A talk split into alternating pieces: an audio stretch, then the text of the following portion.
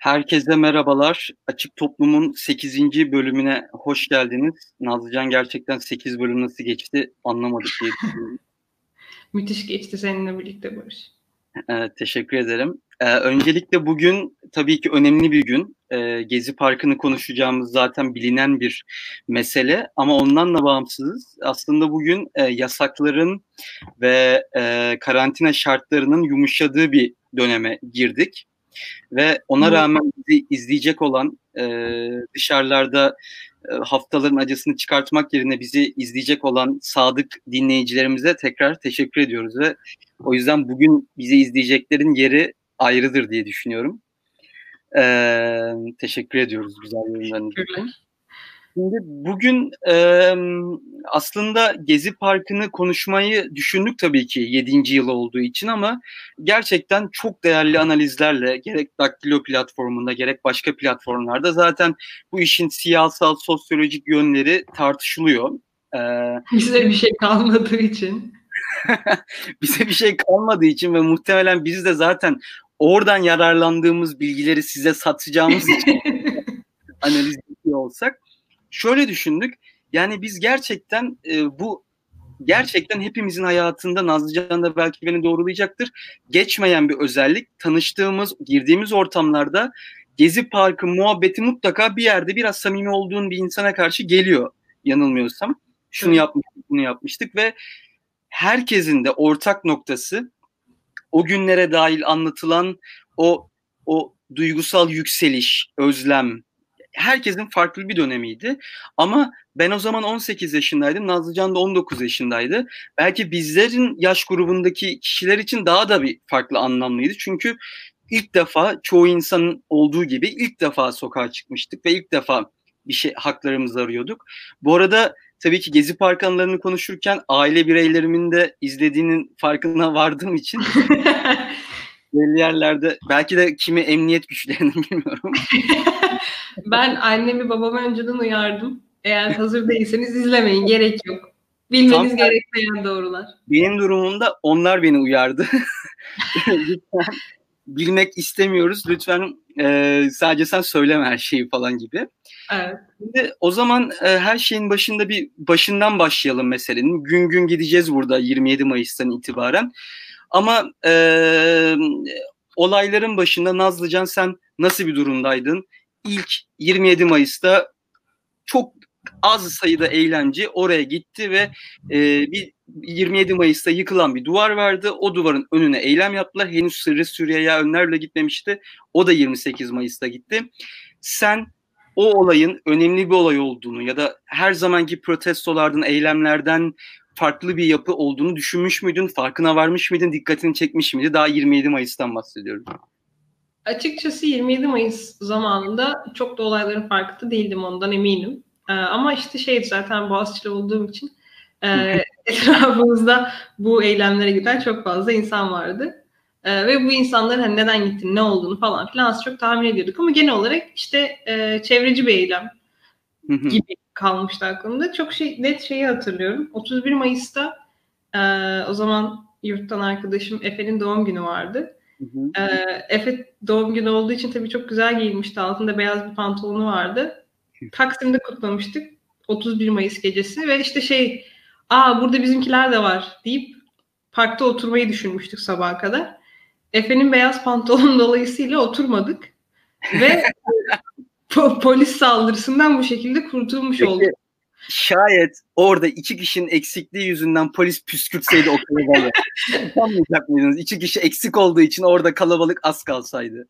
Kesinlikle çok utanırdık. Ama zaten o kadar az kişi değil yani 10 kişi falandık. Çünkü yani arkadaş grubuyla kutlamaya gitmiştik. Efe bilmiyorum izliyorsa yani bir yandan teşekkür ediyorum. Bir yandan acaba orada olsak daha mı iyi olurdu ben de bilmiyorum açıkçası. Bu arada şunu da hatırlatayım. Burada Nazlıcan'la konuştuğumuz bütün sorular e, çete de sormuşum varsayın lütfen. Sizin de bütün düşüncelerinizi bizim burada konuştuklarımız anlarda, konuştuğumuz anlarda ne düşünüyordunuz, ne yapıyordunuz, nasıl bir dönüşüm geçirdiniz, ne zaman olayları iyice ciddiye almaya başladınız gibi şeyleri lütfen yazarsanız biz de burada yorumları okuyarak sizi de dahil etmeyi çok istiyoruz. Benim için de tabii ki ben üniversite öğrencisi değildim. Boğaziçi öğrencisi kesinlikle değildim. e, 31 Mayıs günü mezuniyetim vardı. Lise mezuniyeti, kep atılan tören. Ve açıkçası e, hani evde akşam ve üniversite sınavıma da bir 10 günlük bir süre vardı bu arada. Hani akşam haberleri izlerken yine gördüğüm sıradan bir eylem gibi görmüştüm. 27 Mayıs'tan 31 Mayıs'a 30 Mayıs'a olan süreç içinde hiç ciddiye almamıştım. Ama daha sonra şunu çok net bir şekilde hatırlıyorum. Aynı akşam 31 Mayıs'ta biz mezuniyet ve işte o kep attıktan sonra saçma sapan danslar falan filan hani kontekstindeki çılgınlıklar gibi durumlar yaşanırken e, Twitter'da hani o zamanlar Twitter tabii yani şimdi 20 yıl öncesinden de bahsetmiyorum da. Ama 7 yılda hiç az değil yani. Evet 7 yılda hiç az değil gerçekten. Çok büyük dönüşüm geçirdi. Yani normalde bu tarz siyasi gündemlerin ya da ortak e, yani hashtag falan bile olmayabilir o zaman. Bilmiyorum gerçi en başından beri vardı hashtag bilmiyorum ama yani ortak gündem olarak siyasi arenaya etki anlamında pek aktif bir mecra değildi. Ama o sırada şunu hatırlıyorum ben. E, o lise mezuniyeti tamam süper büyüdük falan filan eğlenceler arasında Twitter'a baktığımızda ilk saldırı haberlerini yani benim ilk e, karşılaşmam saldırının polisin parka müdahalesiyle olmuştu. E, ve e, po, pa, şey olmuştu evet bu arada Nazlıcan'ın saçlarını ben de gerçekten beğendim. Bu hafta bir tık fark edemediğim için tekrar bunun yüzüne de Nazlıcan'ı istiyorum. Ama daha sonra telafi ettim e, özellikle belirterek güzel olduğunu. İşte daha sonra böyle olmuştu ve o zaman e, şunu hatırlıyorum. Herkesin WhatsApp'ta ve Twitter'da sürekli bir araç kalkma muhabbeti ilk kez 31 Mayıs'ta olmuştu. Sürekli insanlar birbirleriyle biz şuradayız parka geçiyoruz, buradayız parka geçiyoruz şeklinde. İlk 31 Mayıs'ta olaylar hareketlenmişti. Ben o akşam parka gitme fırsatı bulamadım ve senin şu an aşırı kıskandım ki böyle tarihi bir anda e, parti vesilesiyle de olsa oraya gitme e, hakkını erişmişsin. Evet, gerçekten böyle bir ortam vardı. Twitter ee, şeyden bahsetmiyoruz. Twitter, evet.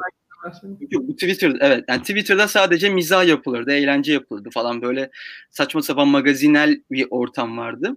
O yüzden o da bence Twitter'ın vardı o zaman. Evet politizasyon noktasında da Gezi Parkı herhalde önemli bir eşiktir. Ben de ilk kez politik falan yazmaya başlamıştım ve herhalde çağrı falan vardı. Ne gerek var yani?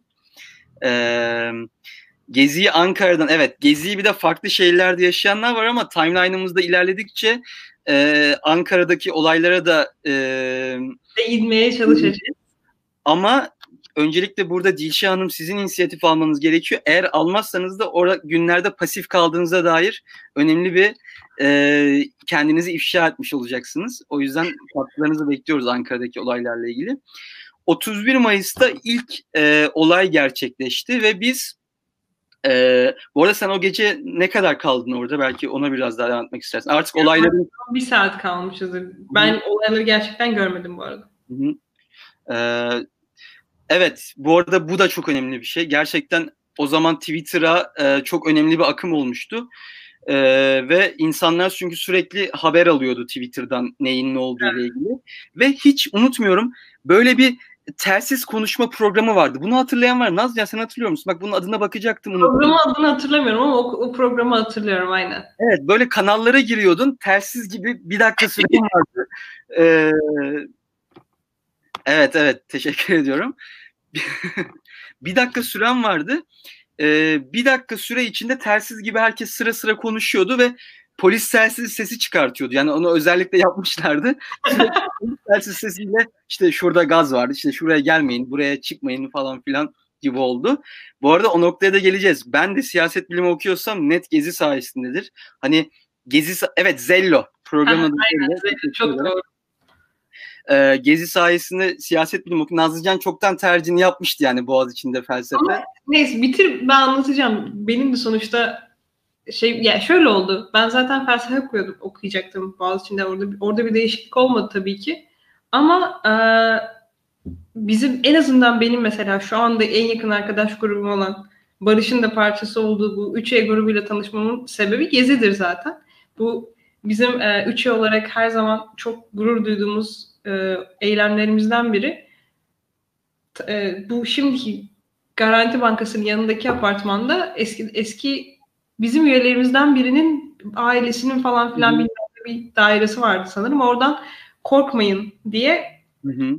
E, pankart indirmişlerdi ve o anda gerçekten yani şu anda baktığımızda çok büyük bir şey gibi gelmiyor olabilir ama o anda herkes gerçekten kendi bir savaşın ortasında hissettiği bir andı.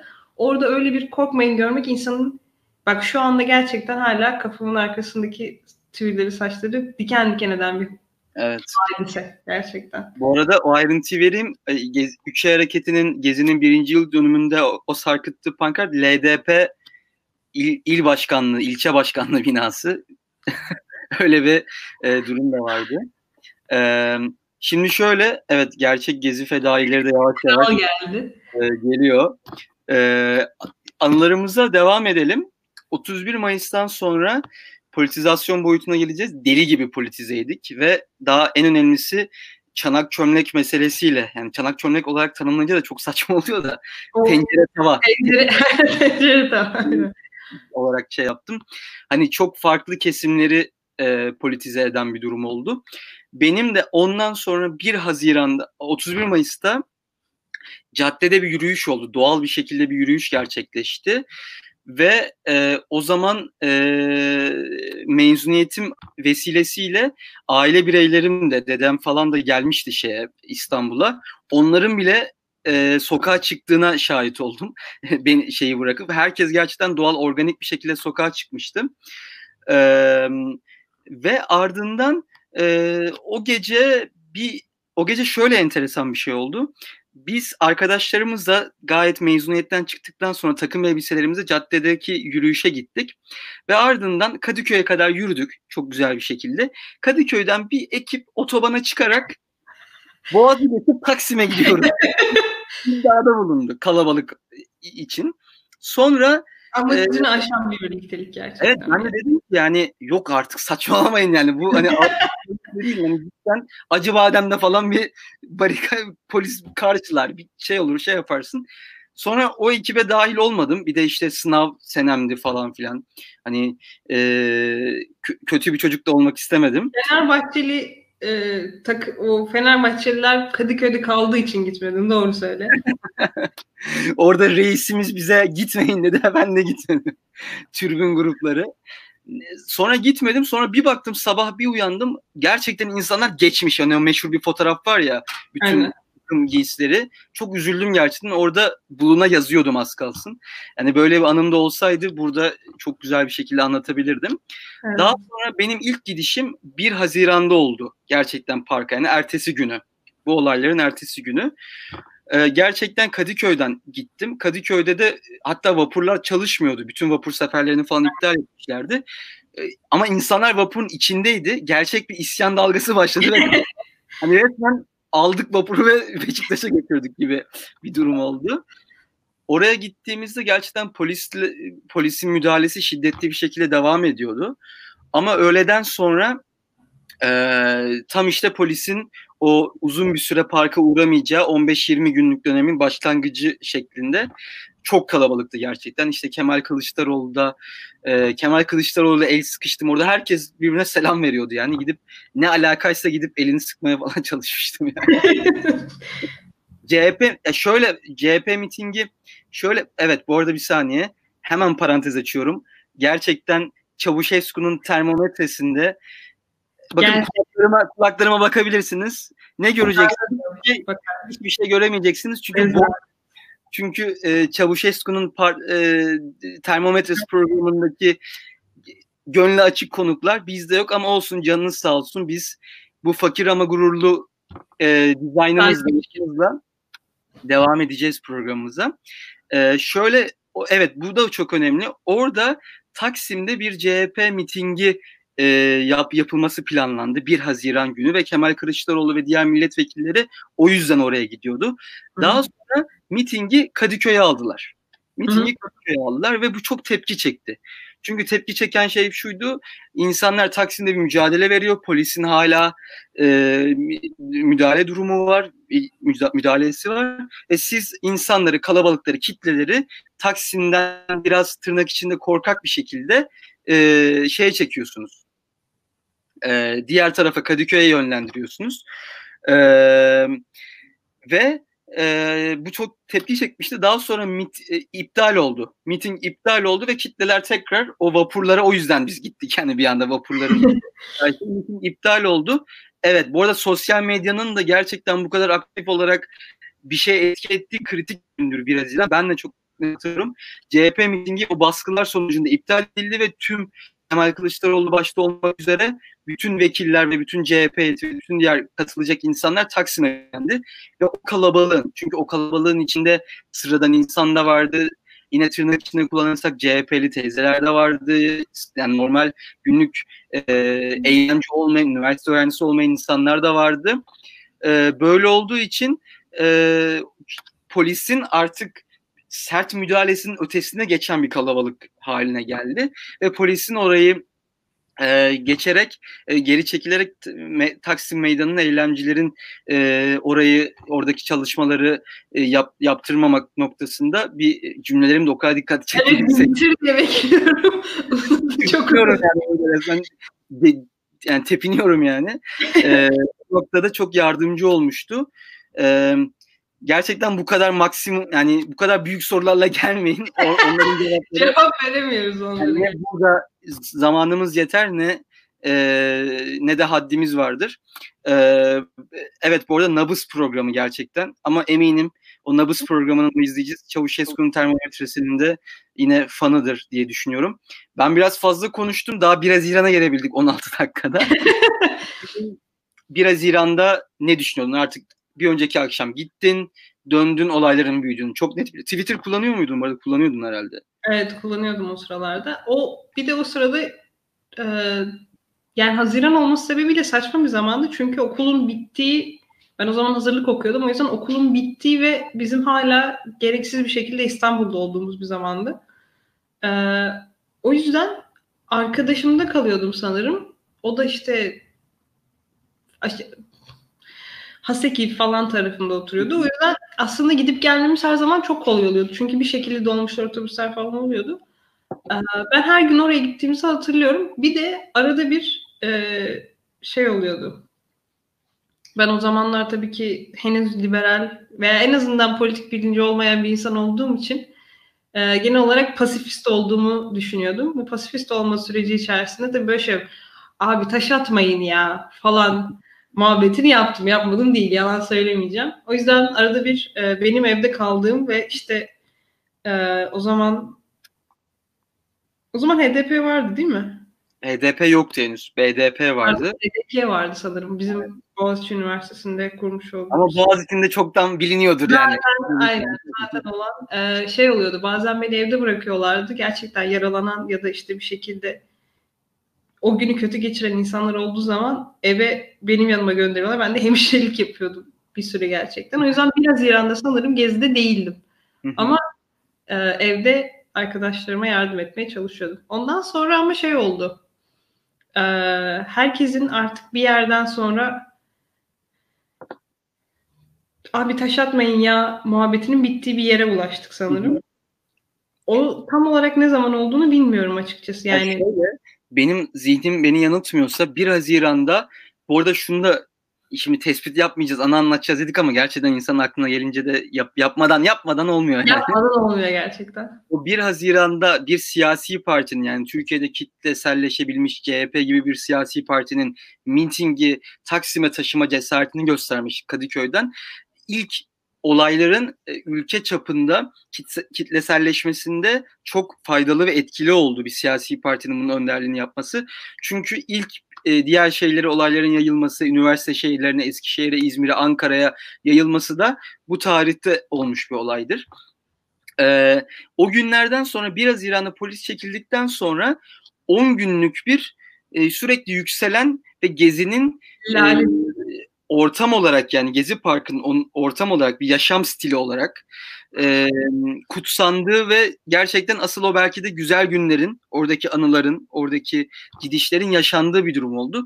Çünkü polis olmamasına rağmen sürekli bir şey muhabbeti vardı. İşte bu gece tekrar şunlar oluyormuş falan filan. Evet, sürekli insanlar bir şeyler bekliyordu ama gün içerisinde nedense hiçbir şey beklemiyorduk. Yani bütün gün eğlenip Ondan sonra akşam polis gelecek diye bekliyorduk mesela. Saçma yani polis istediği yani zaman geliyor. Bu arada herkesin işten okuldan çıkıp geziye gittiği bir zamanda iptal etmeyi düşünmesi de saçma olurdu.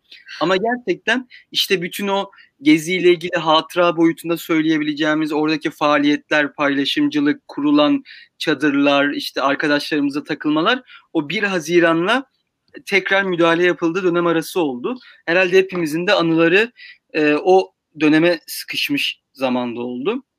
Bu arada kesinlikle isim vermeyeceğim ama şu an chatte olduğunu biliyorum. Bazı arkadaşlarımız 31 Mayıs 1 Haziran zamanında e, eğer ki e, eylemler 15 saat daha devam ederse Avrupa Birliği Türkiye'de hükümetin istifasını isteyecekmiş yalanına e, inanan arkadaşlarımızın arkadaşlarımızın olduğunu biliyoruz.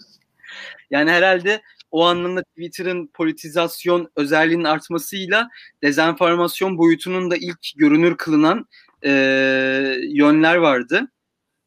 Evet Duman'ın eyvallah evet. Yine Duman, yine Duman, yine Duman. Ee, teşekkür ediyoruz Burak Şaş'a. Tabii ki e, o şarkıyı da çok seviyoruz. Boğaziçi Jazz Korosu. Ben sevmiyorum öyle bir şey yok. Boğaziçi Jazz Korosu'ndan belki bahsetmek gerekir senin. Yani Boğaziçi Jazz Korosu'ndan bahsedecek bir şey yok. Onlar yani en son hatırladığım Şeftalisi Bala Benziyor şarkısını sürekli coverlıyorlardı. Hı-hı. Çok yakın bir arkadaşım Özgün. Kendisi onların içerisinde olduğu için hatırlıyorum. Onun dışında gerçekten bir de şimdi şeyden bahsetmek istiyorum. Madem bu kadar konuştuk biraz haterlık yapmak lazım. Ee, Gezi'nin bize getirmiş olduğu orantısız zeka bize. Lütfen aklında kalanları şey yapabilir misin? Ee, işte bir kere zaten çapulcu muhabbeti var. İşte çapulers evet. falan gibi bir çapuling, everyday I'm çapuling şeklinde. İşte efendime söyleyeyim Taksim'de duvarlara şiir yazmak. İşte evet. kahvaltının mutluluğu öyle yazmıyordu ama işte Cemal Süreyya olsun, Turgut Uyar olsun bu tarz e, şairlerin şiirleri olsun, Nazım Hikmetler. Benim biraz biraz söylersen aklıma gelecek şu an tam hatırlayamadım. Şeyler başka. vardı işte dördüncü günün o çok, çok iyiydi hala ben hoşuma gidiyor. Dördüncü günün beşinci günün şafağında batıya bakın gibi bir şey vardı. Bizim Barış'la ikimizin de solculuğu eksik olduğu için böyle şeyler. Lütfen siz de hatırladıklarınızı yazın. Şey vardı. Çok fake bir şey muhabbeti vardı e, çarşı grubundan biri Tom'a ele geçirmiş de evet. onunla telsizle polisle konuşmuşlar. İşte Tom'a müdahale et demiş. Çarşı grubunun ya, ya Allah aşkına yani. Bunları sen biliyorsun. Ben bir de şeyi hatırlıyorum. İşte yani durup dururken çok alakasız bir şekilde o dört büyük takımın formasıyla adamlar poz veriyordu mesela gezide. Mesela bir tane Trabzonlu birden işte şey görüyor. Galatasaraylı görüyor. Kol kola giriyor. Beşiktaşlı geliyor. yani e e onun sonra şey versiyonları da şey yapıldı. Özellikle bence birileri Aa, farklı... şöyle güzel bir şey var. Bunu hiç hatırlamıyorum. Ha evet evet. Bu neydi? Ben bunu hatırladım da Davulcu Vedat. Evet Davulcu Vedat. Ee, muhabbeti vardı. Kahrolsun bazı şeyler evet. Kesinlikle. Gerçekten sizler de az değilmişsiniz gerçekten. Herkes o günleri mizahını hatırlıyormuş. Ben bir de şeyi hatırlıyorum. Sürekli böyle sanki bir takım fotoğrafçılar e, evet çevik kuvvete bunu, evet, bunu bir arkadaşım yaptı benim. Bizzat tanışıyoruz. O anda da söyledik abi yapma bu işi dedik. Ama o kendisi de şey yani kendisi de boş zamanlarında şiir yazıyor. Yaz, ya adını yanlış hatırlamıyorsam Hasan Hüseyin diyeceğim. Ad soyad olarak tam hatırlamıyorum gerçekten. Kendisi de şiir yazdığı için en azından polisle fotoğrafı çekilirse ileride kitabı da satar diye böyle bir şey yaptı. Ama gerçekten kitabı böyle tutuyor. Kitabın ismi evet, şey gerçekten illallah yedirtti. Çünkü ondan sonra işte polise karanfil uzatanlar, polise gözleme uzatanlar, polise su uzat Allah aşkına. Şöyle bir durum oldu sonra. O 1 Haziran'la saldırıların tekrar başladığı Haziran'ın sonu arası dönemde şimdi polisler orada hazır bir şekilde duruyor. Kesinlikle müdahale etmiyor. Ve ee, Evet, nasip olmadı o zaman. Bu biraz biraz sonra anladık. Aynen, börek ikram edildi. Şöyle söyleyeyim, e, o dönemde polis, biraz sonra konuşacağız. Polis müdahale etmiyordu ama polis orada bulunuyordu. Yani müdahaleye hazır bir şekilde çevik kuvvet bulunuyordu.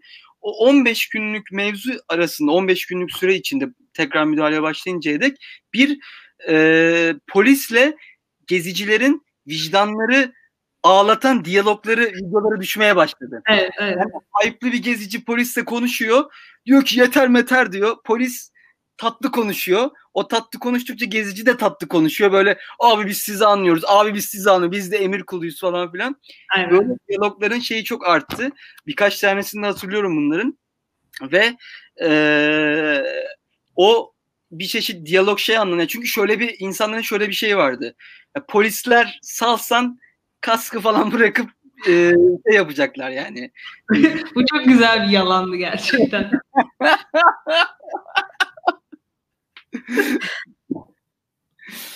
Bu arada gerçekten şöyle bir durum var. Bu bu tarz şeyler sürekli vardı. Şeyler var. Bu arada şu an Amerika'daki olaylarda e, evet polisler istifa ediyor işte.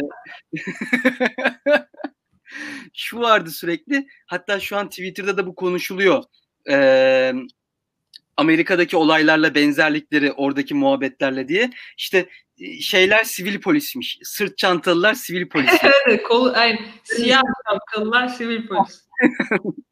Ve bu arada böyle muhabbetler vardı. Bir de şeyler vardı. Sürekli toplumun farklı kesimlerinden insanları bir araya getirip şey yapmak işte bir yaşlı teyze, bir HDP bayraklı biri, bir Atatürk bayraklı biri. Aynen. işte böyle hepsini çorbası böyle gerçekten. Evet.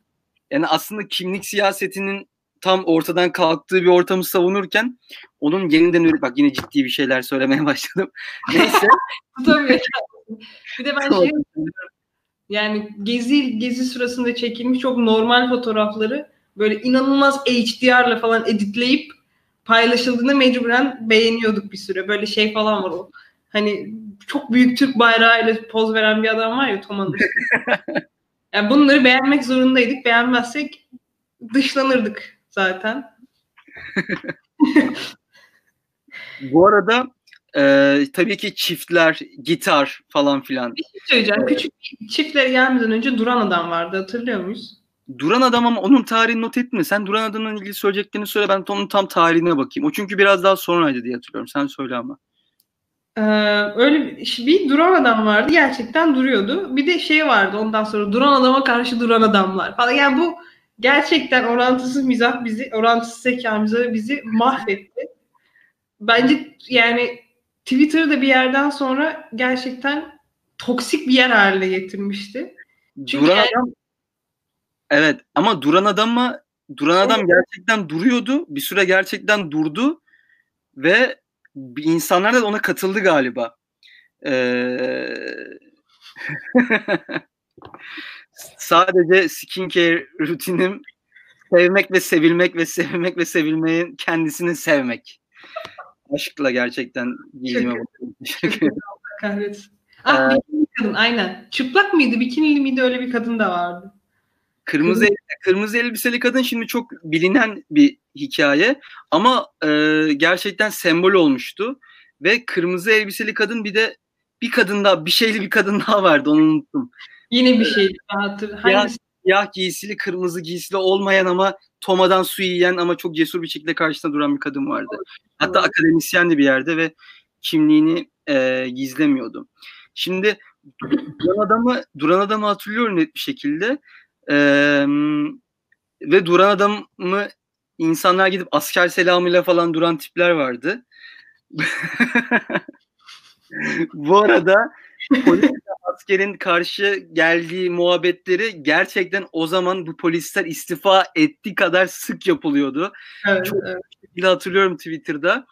Ee, şey yapılıyordu yani böyle asker o kadar rahatsız ki hani hani neyse hani bir şey yapmayalım falan gibi sürekli muhabbetler vardı. Ee, o da gerçekten çok sıkıntılıydı. Bir de bir akşam 7 Haziran akşamı falandı böyle tam ortasında. Akşamında hatırlıyorum çünkü ben sınavıma, üniversite sınavıma çok az kaldığı için çok sık gitmemiştim. Gittiğim anları hatırlıyorum. Şimdi burada gidenler orada kalanlar varsa lütfen daha oradaki günlük hayata dair anılarıyla bizi... Ben de hatırlıyorum kesinlikle. Görselini evet. hatırlıyorum ama fake görsel olabilir tabii bir yandan. ya bir de insanlık namını uzatmış olabilir yani. Hani genel kurmaydan emir tebligatı bizleri destekleyin falan diye. Ee, şöyle bir şey hatırlıyorum. Helikopterlerden portakal gazı atılıyor Evet. vardı Beşiktaş'ta. O zaman Beşiktaş'taydım. Ee, evet aynen ha. Tam yazılmış zaten özür dilerim gözümden kaçtı.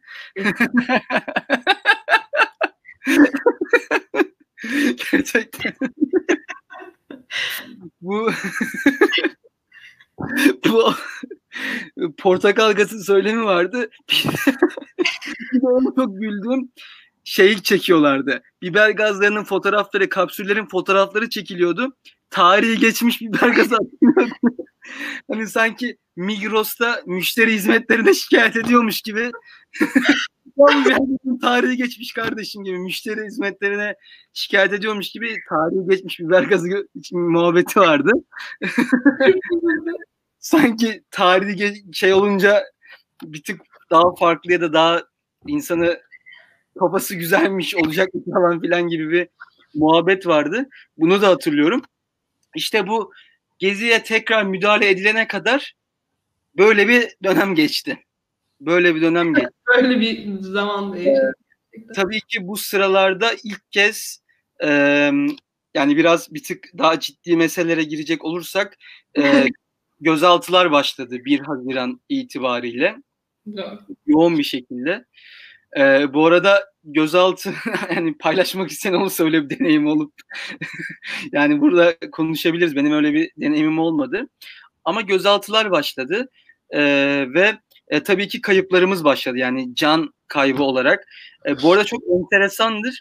Hani Gezi Parkı süreci boyunca hiçbir emniyet kuvveti, hiçbir güvenlik gücü hayatını kaybetmedi. Ki yani bu şekilde bir durum olsaydı Gezi'nin bizim savunduğumuz anlamını, bizim savunduğumuz manasının içini boşaltma anlamında demagojik olarak da araçsallaştırılabilirdi e, diye düşünüyorum. O yüzden tabii ki keşke e, bizim e, kimseden bir kayıp olmasaydı ama işler tabii ki insanlar özellikle Ali İsmail'in hani görüntülerle Ali İsmail Korkmaz'ı kaybetmek kitleselleştirdi ve ilk kez o günlerden itibaren hani ben kendi ailem içinde konuşursam böyle biraz daha işte gençler gidiyor orada bir şeyleri protesto ediyorlar ve e, sen de ona bulaşma zaten giden gidir gider tavrı değişerek e, onların da evlerinde yakınlardaki sokaktaki yürüyüşlere çıkarak e, işte tencere tava çalarak dahil olduklarını, dahil olmaktan gurur duydukları ve bunun bir şey ifade ettiği bir şekilde dönüştü. E, senin ailene karşı bir tavır değişimin var mı bu şeyde? E, Benim ama- tarzım onlara karşı değişmedi ama şöyle oldu. Şey hatırlıyorum ilk zamanlarda annem özellikle annemle konuşuyorduk sanırım o aralar. Ee, ilk başta "Git- gitme yavrum gitme kızım falan dediği süreçlerden sonra gerçekten 7 Haziran devamında şey oldu. Dikkatli git. Ee, yani git ama kendine dikkat et. Şey bu Yunus Sarıkaya şey var ya herkes kendini kurtarır yavrum olan sana olur şeklinde ama yani yine de git diye e, söylüyordu gerçekten. Ya benim aslında ilgimi çeken şeylerden biri birazcık konuyu değiştireceğim ama sosyal medya kullanımımızın e, şekillenmesi. Çünkü e, işte bizden bir yıl önce Arap Baharı Tahrir ayaklanması, Tahrir Evet. Meydanı muhabbeti var 2011'de. 2011 galiba yanlış Evet. ama ülkelere farklı yerlere yayıldığı için o uzun bir süreç oldu. Evet, o, o onlar da çok uzun süre geç, Hı hı. geçen bir süreç oldu.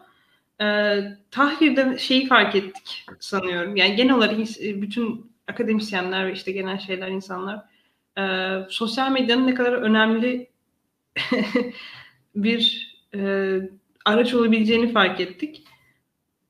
Ondan sonra zaten şey fark yani en başında da biraz bahsettik. Herkesin Twitter'ı aslında gezi zamanı başladı. Gezi zamanı bir yerlerden haber almak için falan filan. Ama bizim bunu araçsallaştırmamız bence biraz daha farklı oldu. Çünkü e, Twitter hala e, mesela Türkiye Twitter kullan en aktif kullanan ilk 10 ülkeden biri hala. Ki Twitter'ın hisseleri düştü, işte değer kaybetti bilmem ne. Bunların hepsinin olmasına rağmen e, Twitter'ın Türkiye'deki popülerliği hiç azalmadı. Hatta sürekli üstüne artarak ilerledi. Bu beni gerçekten şaşırtıyor. Bir yandan da e, dediğim gibi bu işte internetin, sosyal medyanın yaygınlaşmasının aslında bizim haber alma özgürlüğümüz veya bizim e, insanlarla farklı insanlarla ilet- iletişimimiz ne kadar demokratikleştirdiğini gösteriyor bence. O yüzden ben gerçekten önemsiyorum. Yani o zamanlar sosyal medya kullanmayı bilmiyordum. Şu anda çok daha iyi kullandığımı düşünüyorum. Ee, ama bu gerçekten bizi değiştiren ve bizi aslında örgütleyen çok küçük araçlardan, küçük ama çok etkili araçlardan biri oldu bence. bu arada ben burada hemen kendi aileme de bir teşekkür edeyim. Gerçekten teyzoşum da yazmış. E, kendi ailem aktif olarak Gezi Parkı'na daydı gerçekten. Buna da gurur duyuyorum. Onlara da teşekkür ediyoruz. E, şöyle bir şey var aslında. O e, aslında o dönem gerçekten çok önemli bir noktaya değindin. Şeyi hatırlıyorum Brezilya'da benzer gösteriler vardı. Önce yıl önce, ben bir yıl önce Brezilya'da olmuştum. Evet. Sonra Occupy Wall Street gösterileri başladı ve bilmiyorum bununla benzer bir şekilde gidersek Amerika'daki bu olayların benzer bir şeyleri tetiklemesi olası mı? Yine öyle bir dalga yayılabilir mi? Bilmiyorum. Ama gerçekten o süreçler etkilemişti. Şunlar bile ilk kez aslında sosyal medyayla senin anlattığın şekilde işte polis bir gaz bombası attığında onu nasıl işte dağıttığı dumanı kapatıyorsun falan böyle şeyler başladı aslında ilk kez. Eylem pratiklerinin e, protesto pratiklerinin e, globalleşmesi gibi belki tanımlayabileceğim. Biz biz gezi zamanında Hong Kong'da yine e, bu şeyler vardı, protestolar vardı. Bilmiyorum fark ettiniz mi? Hong Kong'dakiler gerçekten inanılmaz efektif ve e, grup çalışması içerisinde, takım çalışması içerisinde savaşıyorlar gerçekten. Çok etkililer. E, ama mesela şu anda şeyde Amerika'da çıkan olayları aslında şey diye düşünmek biraz saçma bence. Saçma değil de. E, yani geçen seneden beri işte Hong Kong'da yine var. İşte e, Şili'de var. Şili Şili'mi sürekli karıştırıyorum. Ülke olan. Hı hı. E, orada var. İşte, par, işte yanlış hatırlamıyorsam Latin Amerika'da başka bir iki ülkede daha var. Paraguay'da yanlış hatırlamıyorsam falan filan. Sürekli aslında yani bizim e, çok da ilgilenmediğimiz dünyanın geri kalanında çok fazla e, bu tarz ayaklanmalar, protestolar zaten hali hazırda vardı bu sene içerisinde. O yüzden Amerika'daki böyle hiçbir şey yokken kendiliğinden patlamış bir durum değil bence.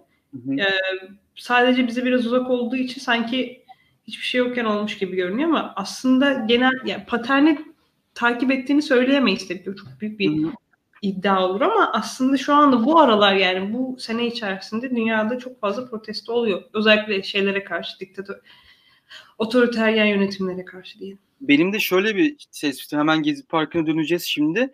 Bugün mesela ilk kez benim yani 2-3 yıldır olmayan bir şekilde benim gözlemlemediğim bir şekilde e, Gezi Parkı'nı e, anma gösterisi yapılmış Ankara'da Güven Park'ta e, ve Hı. ilk kez sokak protestosu olarak çok uzun süredir böyle bir hareket olmuyordu. Son olarak şunu da söyleyeyim işte bütün bu olaylar dünyada Gezi Parkı'nın içinde bulunduğu bu simultane şekilde gelişmiş protestolar devletlerin de sosyal medyayı kontrol altına alma işte e, muhalif AK Parti'nin ya da onun konumunda bulunan diğer güç sahibi, iktidar sahibi cenahların da sosyal medyaya kitlelerini yönlendirme ve orada bir gündem oluşturmanın, orayı da tabiri caizse kontrol altına almanın iktidarlarının devamlılığı açısından daha önemli olduğunu anlama açısından çok önemliydi. Ee, ve bunun da etkilerini hala görüyoruz yani gerçekten. Hala da bu anlamda tartışma devam ediyor. İşte zaten daha çok taze bir şekilde Trump'ın Twitter üzerinden e, bir e, mücadelesi devam ediyor. Şimdi günlere geri dönelim. Ee, 1 Haziran'daki bu durumdan sonra 14-15 gün ortalık sakindi ortalık sakin derken özellikle küçük şehirlerde e, yani İstanbul dışındaki yerlere direkt küçük demek istemiyorum da e, e, diğer yerlerde gösteriler devam ediyordu. Ama polis Gezi Parkı'na müdahale etmiyordu. Ama birden biz e, şunu bekledi insanlar hükümetten Erdoğan'dan e, yani bekledi umdu ya da en azından o cenahtan birilerinden diyalog çabası olabilir mi? İşte bu talepler anlaşılabilir mi? Geri adım atılabilir mi? Gibi bir durum beklerken biz gittikçe şiddetin yani konuşmalardaki şiddetin arttığını gördük. Ve bunun da zirve noktası 15 Haziran'da Erdoğan'ın Gezi Parkı'nı boşalttınız, boşalttınız, boşalmak, boşaltmazsanız biz yapıyoruz gelip yıkacağız gibi bir söylemiydi. Bunun ardından yanlış hatırlamıyorsam evet bu da çok özür dilerim öyle küçük demek istemedim ağzımdan sadece öyle çıktı diğer şeylere küçük gibi bir beyanım olmadı. Ee, Bundan sonra e, bu bulunmuş oldu. ve daha sonra 16 Haziran'da e, Gezi Parkı'na müdahale edildi. E, edildi. Bu dönemde ne hissetmiştin diye e, yavaş yavaş ilerledim. Hiç beklemezken bana attın. Yani o dönemde tabii ki ne hissettim çok evet o bir ara şey çıktı. Güzel bir bağlantı oldu. Bir ara akil adamlar mı, akil insanlar gibi bir, bir şey yapmışlardı. Hatırlıyor evet. musun? Bilmiyorum. Ya, akil insanlar değil de akil ins yani o tarz bir heyet işte ünlülerden. Yani işte aslında orada yapmaya çalıştıkları şey buradaki public figürleri e, bir yandan kendilerine çekip bir yandan işte çok da gerçekçi olmayan bir barış ortamı yaratmak. En azından susturmak, insanları durulmasını sağlamak falan.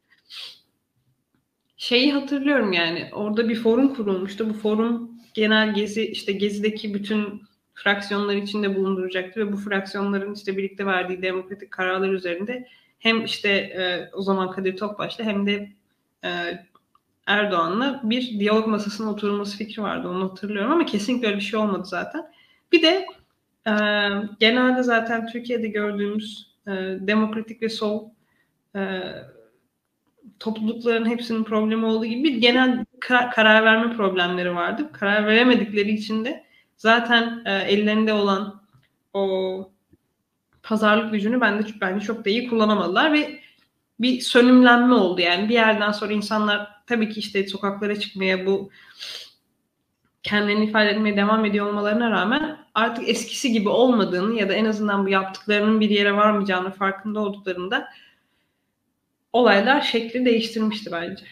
Şöyle söyleyeyim ben de dediğin çok doğru noktada ve 15 Haziran'dan sonra polis şiddetini arttırarak tekrar müdahaleye devam ettikten sonra şöyle bir durum oldu. Bahsettiğimiz bir ünlü grubu gitti oraya Erdoğan'la görüşmek için ve orada Erdoğan'ın daha sonra devam ettireceği bir trend başladı. O da seçici kitlelerle görüşme trendi. Çünkü siz ünlülerle konuşmayı isteyebilirsiniz. Toplumun gözünde önemli olan insanlarla gidip konuşmayı tercih edebilirsiniz. Ama gidip işte atıyorum kim öne çıkmıştı Gezi Parkı'nda? İşte Mehmet Ali Araba, Alabora öne çıkmıştı. Ee, Hali, bu muhteşem yüzyılda oynayan Ergenç. Halit Ergenç öne çıkmıştı. Sizin gerçekten bir diyalog kurmak istiyorsanız bu insanları çağırıp o insanlarla bir diyalog kurması gerekirdi. Ama ve o konuşmaları açın bakın YouTube'da. Ben hani hem bu programa da tekrar hazırlanmak için gerçekten baktım. Erdoğan'la konuşan ünlülerin çıktıklarında basın mensuplarına söyledikleri. Basın mensupları heyecanlı bir şekilde heyecanlı bir şekilde soruyorlar ne oldu ne bit ne düşünüyorsunuz? O kadar boş konuşuyor ki hepsi. Evet. Çünkü hem zaten bir fikirleri yok, ikincisi bir pozisyon almak gibi bir niyetleri yok. Zaten yani dışarı çıktıklarında o kadar apolitik bir şekilde konuşuyorlardı ki şey düşünüyorum. içeride beyinleri yıkanmış olması lazım. Anladın mı? Bu kadar saçma konuşmaların manası evet, yok. Evet, yani bir yandan isimlerine şey yapmak istemiyor. Evet gerçekten onu o pankartı hatırlıyorum. İşte Burjuva düzeni yıkılacak, bankalar kamuya devredilecek. Ee, ve işte böyle bir dört maddelik şey vardı. Ee, bu arada e, macera için katılan insanların da e, politizasyonuna çok önemli katkılar yaptığını düşünüyorum. O yüzden o anlamda da onun oradaki o cool ortamın, oradaki yapının e, çok büyük katkılar verdiğini düşünüyorum. E, ve evet işte Necati Şaşmaz'ın konuşması bunun örneği de ama Necati Şaşmaz galiba normal hayatında da pek konuşamayan bir insan. Şey, cümle kuramayan birisi galiba. Evet, evet o yüzden onu ayrıca söylemedim ama hepsi yani diğerlerinde bakın bu ortam vardı ve 15 Haziran'dan sonra aslında şöyle bir döneme girdik ve e, o yükseliş azaldı o yükselişin azalması da bence organikti. Çünkü e, Erdoğan'ın gerçekten çok daha ciddi bir şeye e, radikal bir şekilde saldıracağını, müdahale edeceğine dair bir e, his geldi aslında. Ben o hissi hissetmiştim yani. Bu olmayacak bir şey. Yani gerçekten en fazla oradaki şeyi boşaltacaklar ama bir daha cesaret edemeyecekleri hissini hissetmiştim. Ama sonra toplumsal olarak toplumsal olarak kitlelerin birbirine vurulmaya başladığı bir dönem başladı. İşte o paralı saldırılar, 10 Temmuz'da Ali İsmail Korkmaz'ın dövülerek çok canice bir şekilde öldürülmesi ve buna yol veren, yetki veren, güç veren, cesaretlendiren bir iktidar cenahı gördük aslında biz. Ee, toplum gerçekten o anlamda karşı karşıya getirilmeye çalışıldı. E, herhalde o yüzden üç döneme ayırmak gerekir. Yani ilk baştaki o yükseliş 1 Haziran 15 Haziran arası gerçekten orada gerçekten. bu anılarımızı yaşadığımız işte parkta yatıp kalkılan, dayanışılan e, bir dönem. 15 Haziran'dan sonrası biraz daha oraların e, sokakların boş olduğu ama e, aynı zamanda Erdoğan'ın o kadar cesaretli olamayacağını anlaşıldığı bir dönem ama bir yandan da halkın karşı karşıya geldiği ve o kutuplaşmanın, politizasyonun arttığı bir dönem olarak üçe ayırabiliriz herhalde. Benim hislerim en azından bu şekilde gelişmişti. Ama e, yani net olarak dün cumartesi günkü programda da çok e, güzel konuşuldu gerçekten. Hepimizin şu anki siyasi denklemin bir parçası olan bir süreç oldu. Herkesin kendi bir gezisi vardı. Bu belki bir klişe ama doğru bir klişe. Yani Ekrem İmamoğlu şu anki İstanbul Belediye Başkanı oraya gidip e, gezide takılan bir insandı ve Ekrem İmamoğlu gibi siyasiler ve o da orada duyduğu sloganlar, orada karşılaştığı insanlar, oradaki atmosfer onun o yapan, onu şekillendiren e, noktalarında temelindedir diye düşünüyorum. Biraz o, abartıyorsun ama canın sağ olsun. Peki. ee, diyorum. Yani şekillendirmiştir demiyorum da etkilemiştir diyorum. Daha şey, doğru. Bir de çok genel bir analiz olarak şey söylenebilir diye düşünüyorum. Ee, AKP'nin şey bu e, korku politikasını keşfettiği ve aktif olarak kullanmaya başladığı zaman bence Gezi. Çünkü bu işte Tophane'deki palalı saldırılar falan filan da şey fark ettiler. Yani bu toplumun içerisindeki farklı grupları birbiriyle çatışacak hale getirirsek bunun sonucunda zaten çatışmayı başlatanlar genelde kazanan taraf oluyorlar. Ya da en azından şey içerisinde, toplum içerisinde bu çatışma hali olduğu sürece, polarizasyon hali olduğu sürece birbirlerine olan güven azaldığı için insanlar e, iki taraftan birinde olmak zorunda hissediyorlar ve o zamanlar tabii ki e, AKP'nin bu kadar kötü olacağını görmedi, bilmedikleri için henüz görmemiş oldukları için çok fazla insan AKP'ye doğru yöneldiğini düşünüyorum. Bu arada 4 Haziran'da yanılmıyorsam, tarihini yanlış hatırlamıyorsam Erdoğan'ın havalimanı konuşması da önemli bir yapı taşı. Gerçekten o konuşmada ki hissettiğim çaresizliği, rahatsızlığı, o çaresizlikten gelen bir öfke vardır yani. Hı Sinirden ağladığın bir moda girersin. Yani böyle gözyaşlarına hakim olamadığın bir moda girersin. O tarz bir e, hayal kırıklığı ya da ne nasıl tanımlarsan tanımı hissettiğim bir şeydi. Bence herkesin de hissettiği bir şeydi ve muhtemelen işte o faiz lobisi söylemleri, başka söylemler hepsi bu samimi öfkeyi, bu samimi rahatsızlığı, bu samimi çaresizlik hissini anlayamayan bir ya da anlamak istemeyen, savaşmak isteyen bir durum vardı. Ee, Burak Bilgen Özbek şöyle der bu alanda. Erdoğan o dönemde e, hükümeti, yani, o kitleyi yani gençleri durumu çözmek istemedi. O kitleyi yenmek istedi. Yani ezmek istedi. Yenme, yenerek çözmek istedi. Galip ilan ederek kendini öz, çözmek istedi diye. Ben de bu tespite çok katılıyorum. Ama Gezi'nin bence bir mirası şöyle bir şey oldu. Özellikle biz gençlerin e, şu döneme geldiği yapıda. Şimdi seçim sistemi de biraz daha muhalefetin ve ya da iktidar kesimlerinin birleşmesi üzerinden e, buna uygun bir sisteme geçtik başkanlık sistemi sonrası. O zamanlar kurulan diyalog ya da o zamanlar diyalog kurabilmenin mümkün olduğuna dair bizim kuşağımızın sahip olduğu bir takım dürtüler ya da o zaman çok yaygın bir şekilde benim bütün farklı yaş gruplarının akrabalarımın, aile bireylerimin katıldığı o forumlar, parklarda, yerel parklardaki forumlar şu anki diyaloğu mümkün kılan faktörlerden bir tanesi diye düşünüyorum. Bilmiyorum sen ben bana ben biraz fazla mı iyimserim bilmiyorum Nazlıcan bakışlarım. Ben biraz fazla iyimsersin bence. Bir de yani bu olayları çok daha yani ben şeye tabii ki inanıyorum. Sosyal değişim insanların, bireylerin e, aşağıdan yukarıya sosyal değişim getirebileceğine kesinlikle inanıyorum. Ama Türkiye öyle bir yer değil ya da e, öyle bir yer olsa bile ona uygun e, normlar ve kurumlara sahip değiliz. En azından şu an kesinlikle değiliz. O yüzden e, aslında şöyle bir şey var. Zeynep Tüfekçi'nin e, Gezi ve Gaz Twitter ve. Gaz evet. öyle bir kitabı var. Tam adını hatırlayamadım. Ee, o aslında şeyden bahsediyor. Sosyal medyanın işte sos- şeydeki bu tarz devrimsel değişimlerdeki etkisinden bahsediyor. Ee, burada bir şey var. Bir eski eski protestolara nazaran bir shift var. Yani farklı bir analitik shift'e geçiyoruz. Özellikle sosyal medyayı da kullanarak. Ee, öncelikle üç nokta var burada. Ee, önemli olduğu için yazmıştım. Ee, bu protestoların artık sayısı ve kalabalığından çok etki alanı daha önemli bir hale gelmeye başlıyor. Burada da üç tane şey var. Ee, ana başlık var. Bir oyun kurma kapasitesi. Yani e, gidişatı değiştirme, anlatılan hikayeyi değiştirme kapasitesi var. Bu anlatılan hikaye kapa- değiştirme kapasitesi aslında çok önemli. Bizim sosyal medyada yaptığımız bir şey. Yani işte mesela faiz rübüsünün ne kadar saçma bir şey olduğunu bilmemizin sebebi aslında Gezi'nin e, bu e, narratifi değiştirmiş olması. Ya da işte e, farklı grupların birbirleriyle artık daha şu, şu anda bilemem üzerinden çok fazla şey geçti ama en azından o süreç içerisinde birbirleriyle daha iyi anlaşabilmesinin sebebi o e, işte AKP'li düşündüğümüz o bazı grupla işte CHP'li diye düşündüğümüz bazı grup arasındaki o farklılığın aslında azalmış olması bizim bu hikayeyi değiştirmemizden kaynaklanıyor. Bir oyun bozma kapasitesi. İkincisi de oyun bozma kapasitesi.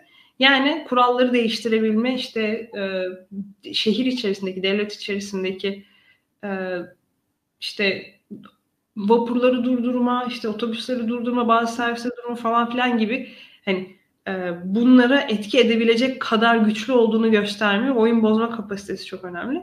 Son kapasite olarak da kural değiştirme kapasitesi var. Biz e, Türkiye'de yapamadığımız şey bu aslında. Yani e, birinci ve ikinci ayaklarda gerçekten çok başarılıydık. Hem e, oyun oyunu kurduk, hem belli hikayeyi değiştirdik, hem e, etki yarattık. Ama bunun e, demokratik yollarla ülkedeki e, en azından politik iklimde bir değişimini göremedik. Bunun tabii farklı sebepleri olabilir. Aslında çoğu insan en azından Zeynep Tüfekçi'nin de söylediği gibi bireyler arasındaki ya da toplum içindeki sosyal güvenin çok az olması zaten Türkiye'de. Aynen Twitter'ın Tirgas. Ee, bu nedenle aslında çok fazla bir yere vardıramadık. Bunu bir yere vardıramamak ben e, en azından benim şahsi görüşüm şey, şu yönde. E, bir şeyleri yapıp yapıp vardıramamak hiç yapmamaktan daha büyük bir e, hüsrana yol açtı bence. Yani o anda farklı tabii ki şeyler çıkmış olmasına rağmen farklı fraksiyonlar, forumlar, işte insanların politik e, durum süreçlerde yer alması ya da sivil toplumda yer alması gerçekten artmış olmasına rağmen e, kural değiştirme, oyun değiştirme anlamında bize çok az etkisi olduğunu düşünüyorum. E, bugün gerçekten uzun konuştuk. E, bizim de konuşacağımız varmış herhalde. Eğer isterseniz tabii ki devam edebiliriz. Ama şimdilik bugünlük en azından e, YouTube streamimizi kapatalım diyelim. Evet. Discord'da Discord'da devam ediyoruz değil mi? Evet açık zaten biliyorsunuz yani istediğiniz evet. zaman gelebilirsiniz. E, Nazlıcan ve ben de bir daha paylaşacağız. Yani geçen haftaki gibi biraz daha casual ve belki burada bahsedemediğimiz bir takım anılarımızın da şey yapacağımız e, bir şey var. Burada anlatmayayım orada devamını anlatayım. Ee, Boğaziçi'ndeki e, Lubunya derneğiyle birlikte gitmiş olduğum için bir yakın bir arkadaşım vardı Nihan diye. İkimiz birlikte işte pankart tuttuğumuz için bizi yine beni yine en azından bir lezbiyen çiftin e, ta, tarafı olarak görmüşler. Orada güzel bir hikayemiz var. Gelirseniz onu da anlatmaya devam ederim.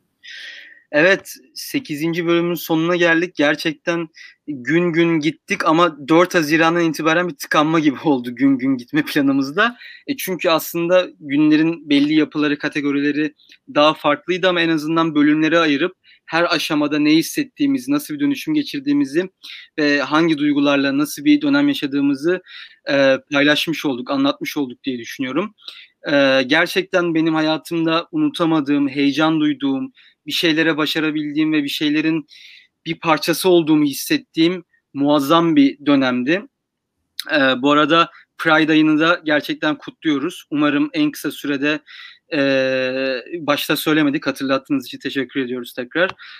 en kısa sürede Pride yürüyüşlerinin de hep birlikte yine kalabalık bir biçimde Taksim'de özgür ve e, herhangi bir polis müdahalesi riski olmadan yapabildiğimiz günlere de en yakın sürede kavuşuruz diye düşünüyorum. Bu günler gelecekse de Nazlı'nın orta yolculuğu benim iyimserliğim bakış açısıyla Gezi'nin payı çok olacaktır diye düşünüyorum. Hepinize iyi akşamlar. Ee, Discord'da katılacaklarla görüşmek üzere. Haftaya görüşürüz. Discord'da şimdiyiz. Haftaya yayında görüşürüz. tamam.